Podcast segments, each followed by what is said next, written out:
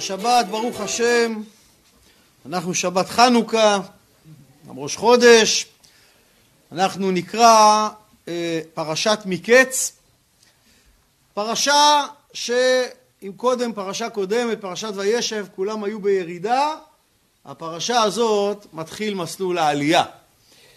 ופרשת מקץ אנחנו יודעים שגם יש לה קשר לחנוכה, וזה לא במקרה. למשל, אנחנו יודעים שבחלום פרעה כתוב ותאכלנה הפרות הרעות, רעות המראה ודקות הבשר, את שבע הפרות יפות המראה והבריות. זאת אומרת, מה קרה בחלום? החלשים התגברו על החזקים, נכון? כמו בחנוכה, גם בחנוכה החלשים התגברו על החזקים, נכון? המכבים התגברו על היוונים. עוד uh, דברים שיש, כתוב למשל, ותרב מסעת בנימין ממסעות כולם חמש ידות. מה זה חמש ידות? זה מזכיר לנו את החמש ידות שאנחנו קוראים בעל הניסים. מה זה, איזה חמש ידות יש לנו? אני אגיד לכם. כתוב, מסעת הגיבורים ביד חלשים, רבים ביד מעטים, טמאים ביד טהורים, רשעים ביד צדיקים, וזדים ביד עוסקי תורתך. אז יש לנו חמש ידות, נכון? אז הנה עוד רמז. מי זה גיבורים ביד אה, חזקים? אה, לא גיבורים, סליחה. מי זה מסרת גיבורים ביד חלשים? מי זה הגיבורים? היוונים הם הגיבורים. והחלשים לכאורה זה המכבים. מה הם היו? תלמידי ישיבה, הם לא היו לוחמים. ובכל זאת הגיבורים כביכול נפלו בידם. וכתוב שמה שהם מגיעים לבית של יוסף, מה כתוב? הבא את האנשים הביתה וטבוח טבח והחן. טבוח טבח והחן, מהחטא של טבח יוצא אותיות חנוכה. מהחטא של טבח והחן, אותיות חנוכה. גם רמז שבחנוכה, אמנם זה לא מצווה לעשות סעודה כמו בפורים, אבל יש עניין לאכול, נכון? גם לאכול לביבות, מאכלים עם שמן, נכון? למה אוכלים סופגניה בחנוכה, אתם יודעים? כי היוונים דגלו בתרבות פיתוח הגוף, אנחנו נראה להם שאנחנו לא אכפת לנו מהגוף, אנחנו נאכל מה שאנחנו אוהבים. אז יש עניין גם בסופגניה. בכל מקרה, יש לנו גם, אה, אומר להם שם, אדוני שאל את עבדיו לאמור יש לכם אב או אח? ולא אומר אל אדוני יש לנו אב זקן, זה רמז יכול להיות להלל הזקן, ויש ויבא האיש את האנשים בית היוסף.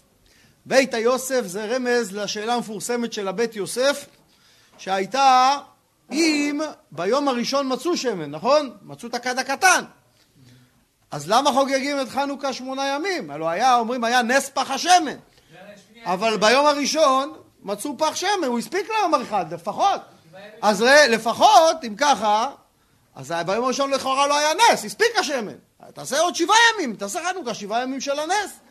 אז פה יש לנו כמה הסברים. הסבר אחד, שקודם כל עצם יציאת הכד זה גם נס. היוונים, היוונים טימאו את כל השמנים. דבר שני, שיש דעה אחת שהם חילקו את השמן לשמונה מנות, וכל מנה לא הספיקה ליום שלם. אבל הנס היה שגם ביום הראשון, השמינית, דלק יום שלם. ויש אומרים לא. הם מילאו, זה, זה הסבר אחד. יש הסבר שלא, הם שפכו את כל השמן ביום הראשון, והשמן הזה דלק שמונה ימים.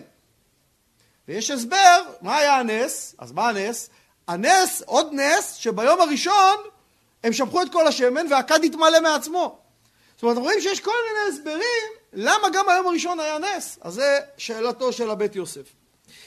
בכל מקרה, ויהי מקץ שנתיים ימים, ופרעה חולם והנה עומד על היאור.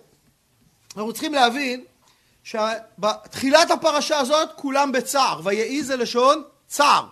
כולם בצער, יעקב בצער, כי הוא חושב שיוסף מת. ויצחק בצער, שהוא לא יכול לגלות לבן שלו יעקב שהבן שלו חי, הוא יודע שיוסף חי אבל אסור לו להגות, ויפק אותו אביו, אסור לו לגלות שיוסף חי. והשבטים בצער, כי הם ראו מה הם עשו, איך הם ציירו את אבא שלהם על מה שהם עשו. וכולם בצער, יהודה בצער על מה שהוא הראה לאבא שלו, עקר נא את הכותונת, כולם בצער.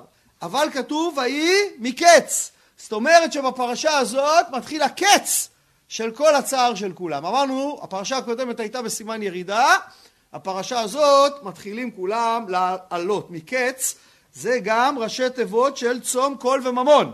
מקץ. למה? כי ביום כיפור זה התשובה, צום קול וממון. מקץ, סימן שכולם עושים תשובה, ויהודי עושה תשובה מתחיל לעלות למעלה. מקץ זה גם שלושת השאלות ששואלים בן אדם שהוא יגיע לעולם האמת, נכון? מ', מה שואלים אותו? משא ומתן. אם הוא עשה משא ומתן באמונה. וקוף, האם קבעת, קבעת עיתים לתורה, זה קוף. וצדיק, ציפית לישועה, לגאולה. אז תהיו מוכנים לתשובות, חבר'ה, כל אחד שיתכונן, למה זה שואלים דבר ראשון. אני לא מדבר אחרי זה כל השאלות שתקבלו גם כן, אבל לפחות זה. בכל מקרה, מקץ שנתיים ימים, אנחנו יודעים שיוסף פתר את החלומות של שר המשקים ושר האופים, נכון? ואחרי שהוא פתר, הוא עשה טעות. מה היה הטעות? הטעות שהוא סמך על שר המשקים. מה הוא אמר לו? פרשה קודמת, כי אם זכרתני איתך כאשר ייטב לך, אומר כשאתה תצא מפה, עוד שלושה ימים תחזור לג'וב שלך, תהיה קרוב למלך. אז זכרתני, תזכור אותי מה שעשיתי טוב איתך, ועשית נא עמדי חסד. כמו שאני עכשיו פתרתי לך טוב, תעשה גם טוב, והזכרתני אל פרעה והוצאתני מן הבית הזה. אומר, תזכור אותי, ותזכיר אותי, ותזכור אותי, ותזכיר אותי. ואנחנו יודעים שעל הדבר הזה יוסף נענש. למה הוא נענש? כמה שנים יוסף היה נגזר עליו לשבת בכלא? עשר שנים. למה עשר שנים? מה קרה? עשר שנים כנגד עשר אחים. כי כתוב שהוא הביא את דיבתם רעה אל אביהם. אז כנגד עשר אחים שהוציא עליהם דיבה, שנה לכל אח. אחרי עשר שנים היה צריך לצאת. אבל בגלל שהוא שמח פה על בני אדם, תדעו לכם, אצל הקדוש ברוך הוא יש כלל. אם אתה סומך על השם, הבוטח בהשם חסד יסובבנו. אבל אם אתה בוטח על בני אדם, אז הקדוש ברוך הוא אומר, אתה בוטח בבן אדם, בסדר, שהבן אדם יעזור לך, אין בעיה. אתה חושב הרופא יעזור לך? אז תסמוך על הרופא, אין בעיה, הוא יעזור לך. אתה חושב שהעורך דין יעזור לך? אז תחכה שהעורך דין יעזור לך. לא, אתה צריך לעשות השתדלות, אבל אתה לא סומך על ההשתדלות, אתה סומך על הקדוש ברוך הוא, שבאמצעות ההשתדלות הוא יוציא אותך מהבוץ. אבל יוסף פה, הוא כביכול שמח על הבן אדם. לכאורה אנחנו אומרים, מה אנחנו רוצים מיוסף? הוא עשה השתדלות, יש לו קשרים, אם אתה עכשיו, יש לך קשרים במס הכנסה, וחס ושלום, אבל נפלו עליך עם איזה תיק טוב, אז אתה לא תפעיל את הקשרים? אה, בטח שתפעיל את הקשרים, אבל אתה לא סומך על הקשרים. מה היה פה? יוסף היה צריך לראות שמהרגע שהוא הגיע למצרים, הולך לו.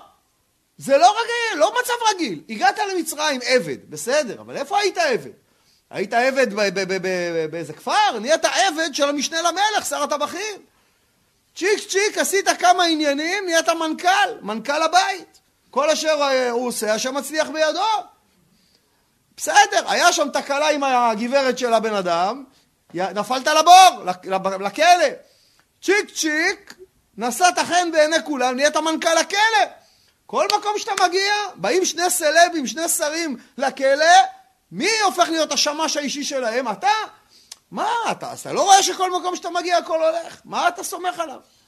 אז מה כתוב? כנגד זה שיוסף סמך עליו, כתוב, ולא זכר שר המשקים את יוסף וישכחהו. לא זכר כנגד שהוא אמר לו זכרתני, וישכחהו כנגד ויזכרתני. מידה כנגד מידה, הוא קיבל עוד שנתיים בכלא. בינתיים מה קורה? ויהי מקץ שנתיים ימים ופרעה חולם. פרעה היה צריך למעשה כבר לפני שנתיים לפתור את החלום הזה. אז פרעה שנתיים חולם את החלום, כי בינתיים יוסף בכלא, אין מי שיפתור. והוא קם בבוקר והוא עצבני והוא לא יודע למה, כי הוא לא זוכר גם את החלום. הוא לא יודע, הוא קם שנתיים ימים פרעה חולם לילה לילה את החלומות שלו. אבל עוד לא הגיע הזמן ליוסף לצאת. גם שנתיים אגב רמז לחנוכה, מה הרמז? ראשי תיבות. שנתיים, שמאל נרות תדליק, ימין מזוזה. שיש עניין להדליק את החנוכיה ליד הפתח, למה בצד שמאל של הפתח?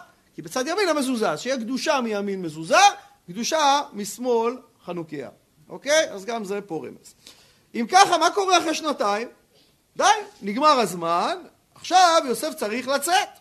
ופרעה חולם והנה עומד על היאור. על היאור. דבר מוזר כבר כשעצמו. והנה מן היאור עולות שבע פרות יפות מראה ובריאות בשר ותראינה באחו. יוצאות שבע פרות שמנות יפות כאלה, הולכות לאכול עשב, והנה שבע פרות אחרות עולות אחריהן מן היאור, רעות מראה, ודקות בשר ותעמודנה אצל הפרות על שפת היאור. ותאכלנה הפרות רעות המראה ודקות הבשר את שבע הפרות יפות המראה והבריאות, ויקץ פרעה. פרעה רואה שני דברים שלא יכולים להיות. הוא קודם כל רואה פרות אוכלות פרות, זה לא הגיוני. אם הוא היה רואה אריות אוכלים פרות, אני מבין, אבל פרות אוכלות פרות? זה כבר דבר לא הגיוני. דבר שני, הפרות הרזות, אחרי שהן בולעות את הפרות השמנות, הייתי מצפה שהן יצטרכו אחרי זה דיאטה, אבל לא, הן נשארות רזות כשהיו. שזה גם לא מובן, מה פתאום? ופרעה חוזר לישון, וחולם עוד, עוד חלום, והנה שבע שיבולים עולות בקנה אחד, בריאות וטובות. עוד פעם רמז לחנוכה, למה? כמה קנים היו במנורה בבית המקדש? שבע קנים. בחנוכיה יש לנו שמונה, אבל במנורה היה שבע. אז הנה, שבע קנים יוצאים מקנה אחד, זה גם רמז לחנוכה, למנורה, נכון? והנה שבע שיבולים דקות ושדופות קדים. מה זה שדופות קדים? הפחד הכי גדול של החקלאים זה שבסוף במקום שיבוא מלקוש, יבוא רוח קדים. מלקוש נקרא מלקוש כי מהמילה מלא קש, הוא ממלא את התבואה, את הקש, הוא ממלא אותו ואז הקש יכול להפיק קמח. אבל אם באה רוח קדים, מה קורה? היא שודפת אותם, היא מייבשת אותם ואז הלך כל התבואה. אז הוא רואה שיבולים כאלה, צומחות אחריהן, ותבלענה השיבולים הדקות, שבע השיבולים הבריאות והמלאות, ויקץ פרעה, והנה חלום. אז כבר יש לנו פה רמז שזה חלום אחד. זה לא שני חלומות. ועכשיו פרעה יש לו בעיה. למה? כי הוא קורא לכל החכמים וכל החרטומים, קורא לכולם, חבר'ה, תפתרו לי את זה, זה לא חלום רגיל. אבל מה הבעיה? ויהי בבוקר וטיפה הם רוחו. וטיפה הם רוחו, הוא כמעט מת מרוב ההתרגשות. נבוכדנצר, שהוא חלם את חלום הצלם המפורסם, שם הוא קם בבוקר, כתוב ותתפעם רוחו. למה? כי אצלו הוא לא זכר את החלום אפילו. אז הוא קרא לחכמים שלו, אמרו, אתם תגידו לי מה חלמתי ומה הפתרון. אמרו לו, מלכה, מה, המלך, אף אחד לא אומר דבר כזה, תגיד מה חלמת, נפתור. הוא אומר, לא, אתם תגידו לי מה חלמתי ומה הפתרון. וכשהם לא ידעו, התחיל להוציא אותם להורג. ואז בסוף מי בא פתר לו את החלום? כמובן דניאל, שאמר לו גם מה הוא חלם, חלום הצלם המפורסם, וגם מה הפתרון. אז פה, ותיפא הם רוחו, כי פה הוא זכר את החלום. וישלח ויקרא את כל חרטומי מצרים וכל חכמיה. ויספר פרעה להם את חלומו, ואין פוטר אותם לפרעה. ופה יש לנו כבר הסבר ראשון למה הם לא הצליחו לפתור, כי כתוב אין פוטר אותם. מה זה אותם? הם ניסו לפתור שני חלומות. ואנחנו יודעים שזה היה חלום אחד. ובואו אנחנו נבין תכף למה הם לא הצליחו לפתור את החלומות. מה כל כך מוזר, הלא בסופו של דבר, מה קשה להבין את החלום? רואים, הנילוס זה היה מקור השפע של מצרים, נכון? נכון? והשקית ברגליך.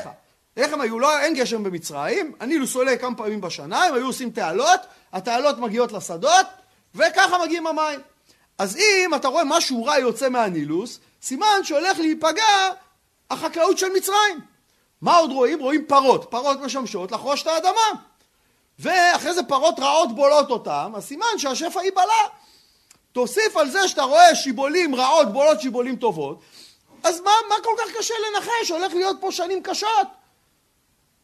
השבע? אז אולי יהיה שבע שנים קשות. זה לא תגידו ככה, הוא ראה, אני יודע, כוכבים, ו... הוא סך הכל ראה את שרשרת המזון של מצרים, איך זה מתחיל מהנהר, עובר לחרישה, עובר אחרי זה לתבואה. אז רואים פה את כל שרשרת המזון, רואים שהרע בולע את הטוב, מה כל כך קשה לנחש שהולך להיות רעב? למה החרטומים לא הצליחו לפתור את העניין הזה? אז קודם כל בפשט, כי הקדוש ברוך הוא לא רצה שהם יפתרו את זה, כי יוסף צריך לפתור את זה. על זה נאמר בנביא ישעיהו, משיב חכמים אחור ודעתם יסכל. לפעמים שהקדוש ברוך הוא לא רוצה, רוצה שמישהו מסוים הוא יביא את הפתרון, אז הוא סותם את מעיינות החוכמה לכל השאר. הדבר השני, ופה יש חידוש מדהים של הרבי מלובביץ', הם לא הצליחו להבין כי בנקודה מסוימת בחלום עומדות הפרות הרזות אצל הפרות השמנות. זאת אומרת, יש רגע מסוים בחלום שיש לנו בצנע כמה פרות? 14 פרות. וזה לא יכול להיות שנים, כי שנים רעות ושנים טובות לא יכולות להתקיים בו זמנית. אז הם ניסו לתת לו פתרונות שהרע והטוב מתקיים ביחד. למשל, הם אמרו לו, שבע בנות אתה מוליד, שבע בנות אתה קובר. זה יכול להתקיים ביחד, אין בעיה. או שהם אמרו לו, שבע עמים אתה כובש, שבע עמים ימרדו בך. גם זה יכול להתקיים במקביל. למה פרעה לא אוהב את החלומות, את הפתרונות שלהם? כי אצלהם הוא תמיד מפסיד משהו בסוף. אין פתרון, בסדר, אני כובש, אבל גם מורדים לי. נולדות, אבל גם מתות לי. אז הוא לא אהב את הפתרונות שלהם, הוא לא רצה לקבל את זה. אז הם לא הצליחו לפתור את זה. והנה, ב, על הרקע של הדבר הזה, פתאום אנחנו יודעים אגב עוד דבר מעניין, הלוא כל ה... למדנו כבר שכל החלומות הולכים אחרי הפה, נכון? אחרי הפתרון. אז אנחנו ראינו שגם שיוסף פתר את זה כאשר אמר, פתר לנו כן היה, נכון? מה שהוא אמר לשר המשקים ושר האופים, ככה היה. ככה היה. אז למה אם החרטומים אמרו לפרעה פתרונות, למה זה לא הלך אחרי הפה שלהם? אמרנו כל החלום הולך אחרי הפתרון. כי החלום הולך אחרי הפתרון אצל יהודי קדוש, לא אצל גוי טמא. שיהודי, נימול, קדוש, יש לו מה שנקרא שומר מצוות, שהוא נותן לך פתרון, זה הולך אחרי הפה. אבל כשבא גוי ערל טמא, עוסק בכשפים, זה אין לזה שום משמעות, זה אין לזה שום כוח. עכשיו, אז אנחנו רואים שהם ניסו לפתור ולא הצליחו. ואז שר המשקים נזכר ביוסף, ומה הוא אומר? וידבר שר המשקים את פרעה לאמור, את חטאיי אני מזכיר היום.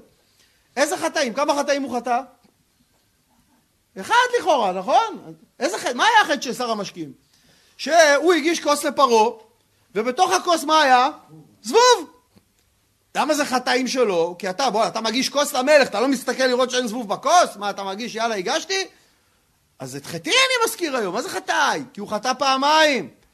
פעם אחת לפרעה, אבל פעם אחת ליוסף, שלא היה לו הכרת הטוב, הוא היה צריך להזכיר אותו לפני שנתיים. אז הוא מזכיר את חטאיו. מה קרה שהצדיק הזה פתאום נזכר ביוסף? מה, יש לו רגשי מצפון? התשובה היא לא, הוא חשב רק על עצמו. הוא ראה ש"ותיפה הם רוחו", שפרעה עוד רגע הולך למות מרוב צער, מרוב התרגשות.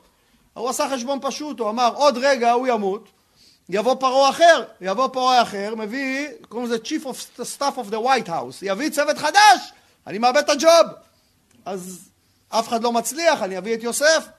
דבר שני, הוא אמר, אני אביא את יוסף, מה יש לי להפסיד? אם הוא לא יצליח, אף אחד לא יבוא אליי בטענות. למה? כל החרטומים החכמים לא הצליחו, אז גם הוא לא הצליח. אבל אם הוא יצליח, אני עושה אקזיט, זה אני הבאתי את הפתרון. זה פרעה אומר, כל פעם יראה אותי, יגיד, וואלה, אתה הבאת לי את הפותר. אז היה לו רק מה להרוויח. אז פתאום הצדיק הזה נזכר שמה? שיוסף בבור יודע לפתור חלומות. אז הוא בא למלך ואומר לו, חטאי, פרעה קצף על עבדיו. זה גם לא מסתדר, הוא היה צריך להגיד, פרעה קצף על שריו, אבל הוא הוריד אותם לדרגה של עבדים. הלוא למעשה, יוסף הפך להם את הפתרונות. מצד העניין את שר המשקים היה צריך לתלות, ואת שר האופים היה צריך לקדם. למה? כי שר האופים, מה היה החטא שלו? מצאו אצלו בכיכר לחם אבן. מי אשם בזה שיש אבן בלחם? השר שמגיש את הלחם, או העבד שניפה את הקמח במאפייה? העבד. איך השר יכול לדעת שיש אבן בלחם, או יחתוך את הלחם? זה לא מכובד. אז לכאורה, במקרה של שר האופים, השר נקי, העבד אשם. אבל במקרה של שר המשקים, מי אשם? העבד שסחט את, ה, את הענבים, או השר שהגיש את הזבוב? השר אשם, העבד נקי. אבל כיוון שהוא הוריד אותם לדרגה של עבדים, אז יצא הפוך, שבמקרה הזה של שר המשקים, כאילו העבד זכאי והשר אשם, בגלל זה גם הגזר דין התהפך להם, כי יוסף החליט ככה. יוסף הפך להם את גזר הדין, אנחנו בכלל נראה יוסף התעסק עם שלושה שרים במצרים, נכון? שר הטבחים, שר המשקים ושר האופים. מה הראשי התיבות של טבחים, משקים, אופים? טמא. טמא. יוסף ירד לטפל בטומאה של מצרים. ואת מי הוא מוציא להורג? את שר האופים. מה נשאר? מ"ט שערי טומאה. מ"ט שערי טומאה. אז אנחנו רואים שהכל פה מסודר, ובואו נראה מה קורה. אז הוא מזכיר לו את החטאים, שמת אותי ואת שר הטבחים ושר האופים, ונחלמה חלום בלילה. אחד, אני והוא, איש כפתרון חלום וחלמנו, ושם איתנו נער עברי, עבד לשר הטבחים. תראו איזה רשע. במקום להגיד, יש שם פותר חלומות, וואלה, פרעה, לא ראית דבר כזה. הוא מבזה את יוסף. מה הוא מקטין אותו? ומה הוא אומר לו? נער! איזה פה, לא ראוי למלכות, שום דבר, נער קטן. עברי, אפילו את השפה שלנו לא מדבר, הוא שמה, מעבר הנהר שמה. עבד! מה... למה הוא מקטין אותו? הוא אומר, תראה, לא היה לי ברירה.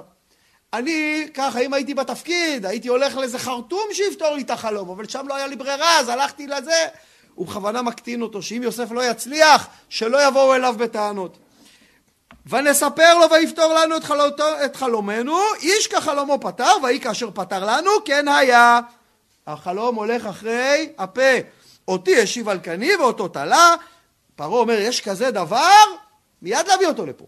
וישלח פרעה ויקרא את יוסף ויריצו מן הבור. תדעו לכם, שאדם צריך להיוושע, משמיים זה יכול ברגע אחד.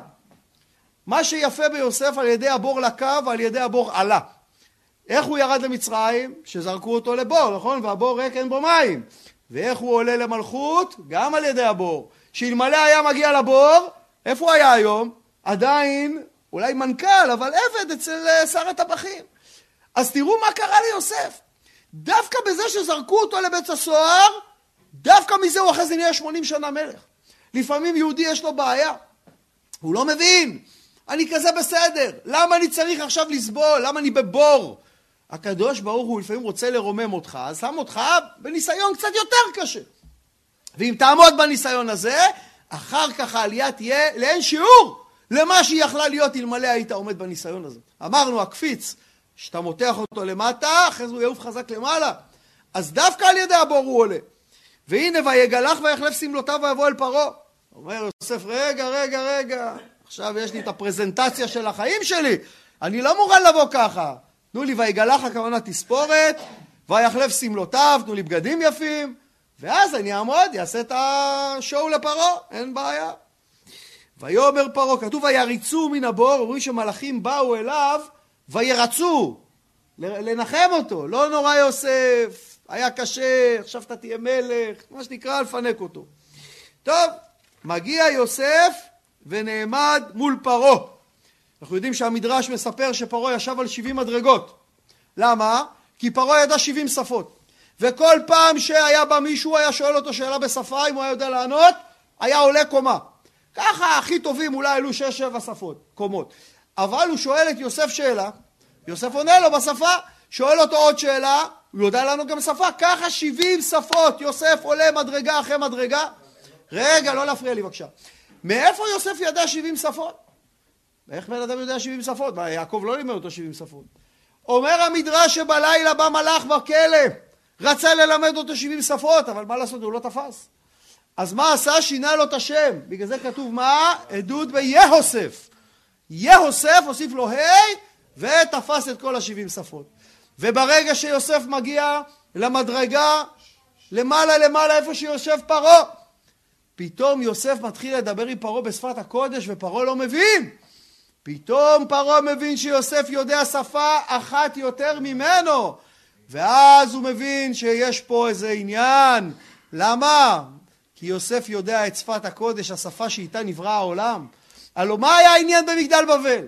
הם רצו לפצח את הקוד. הם רצו לפצח את קוד הבריאה כך שאדם יוכל לחטוא ולא ייענש. ואז מי התחיל את המרידה שם? כתוב ויום רואי של אחיו, אומר שם רש"י, מי התחיל? מצרים לכוש, מצרים התחיל את המרידה. פרעה רוצה להמשיך את המרידה הזאת, פתאום הוא מצא אחד שיודע, למה הוא יושב על 70 מדרגות? הוא מחפש את זה שיודע את שפת הקודש, את השפה של הקוד. איך הוא הולך לקרוא ליוסף בסוף? צפנת פענח, אתה יודע את הצופן הסודי. אתה תהיה איתי, אתה תהיה פה איתי, תעזור לי פה לחדש את המרידה בשם. אם ככה מה? עומד יוסף לפני פרעה, ופרעה אומר, אני שמעתי עליך לאמור, אני שמעתי מדברים עליך פה דברים לא יפים, אתה מתעסק פה עם נשים של שרים שלי. כי, לה, כי שנתיים אותה אחת, אותה אשת פוטיפר דואגת שידברו כל הזמן על יוסף, כל הזמן יתעסקו איתו, כדי שכל הזמן הוא יישאר בבור, לא יצא משם. תשמע חלום לפתור אותו. ויען יוסף את פרעה לאמור בלעדיי. כל מה ששמעת עליי זה לא נכון, זה הכל שקרי. בלעדיי זה נראה מעניינת. באמצע יש עין. עין זה עיון, זה להתבונן. משני הצדדים של העין יש למד ודלת, זה דל. מי שהוא דל מקטין את עצמו קרוב לעין, לעיון, להתבוננות. ובצדדים יש בי, מי שמונח בעצמו רחוק מהעיון. בלעדיי, זה לא אני, הוא מצטנע. אלוקים יענה את שלום פרעה. ופה צריך להבין מה הולך. יוסף מתחיל את התיקון שלו בזה הרגע.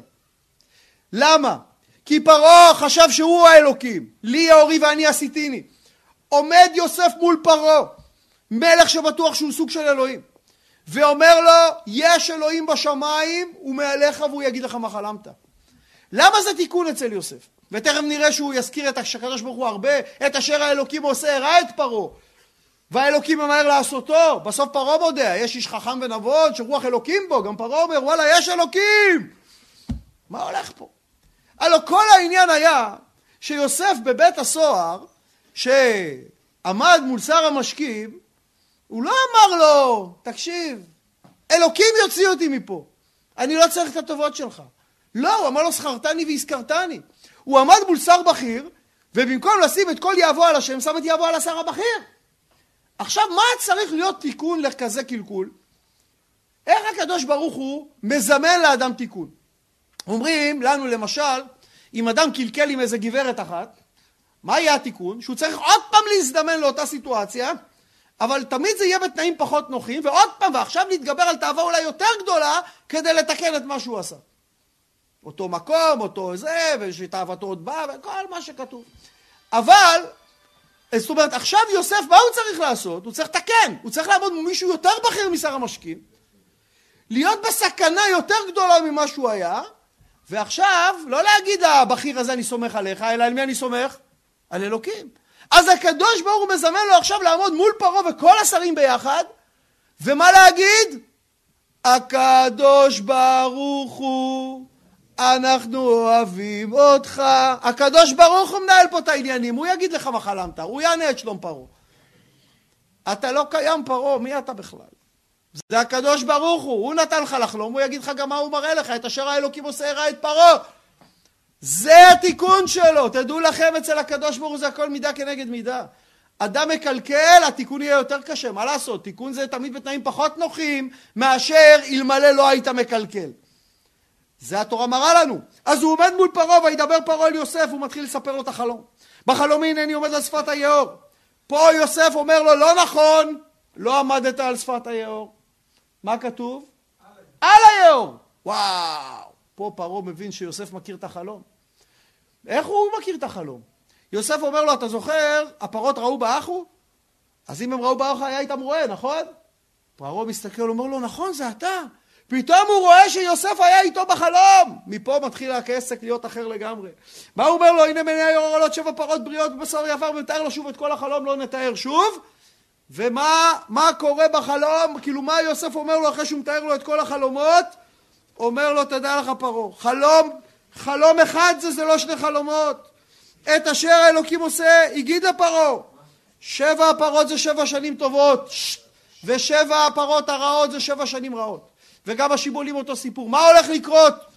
מה שהולך לקרות זה שהולך להיות עכשיו שנים טובות, שבע שנים טובות במצרים, וצריך לאגור, לאסוף, לאגור בשבע השנים הטובות. למה? כדי שיהיה שפע לשבע השנים הרעות. וכדאי שפרעה ימנה פה מישהו שיעשה את הסדר הזה. אם ככה, פרעה אומר בסדר, היש איש חכם ונבון כמוך. מה מונח בחלום הזה? ובזה אנחנו הולכים לסיים. מה הולך פה? מעבר לזה שיוסף עם החלום הזה נהיה עכשיו מנכ"ל מצרים, מלך העולם, 80 שנה, הפך להיות המשביר לכל הארץ.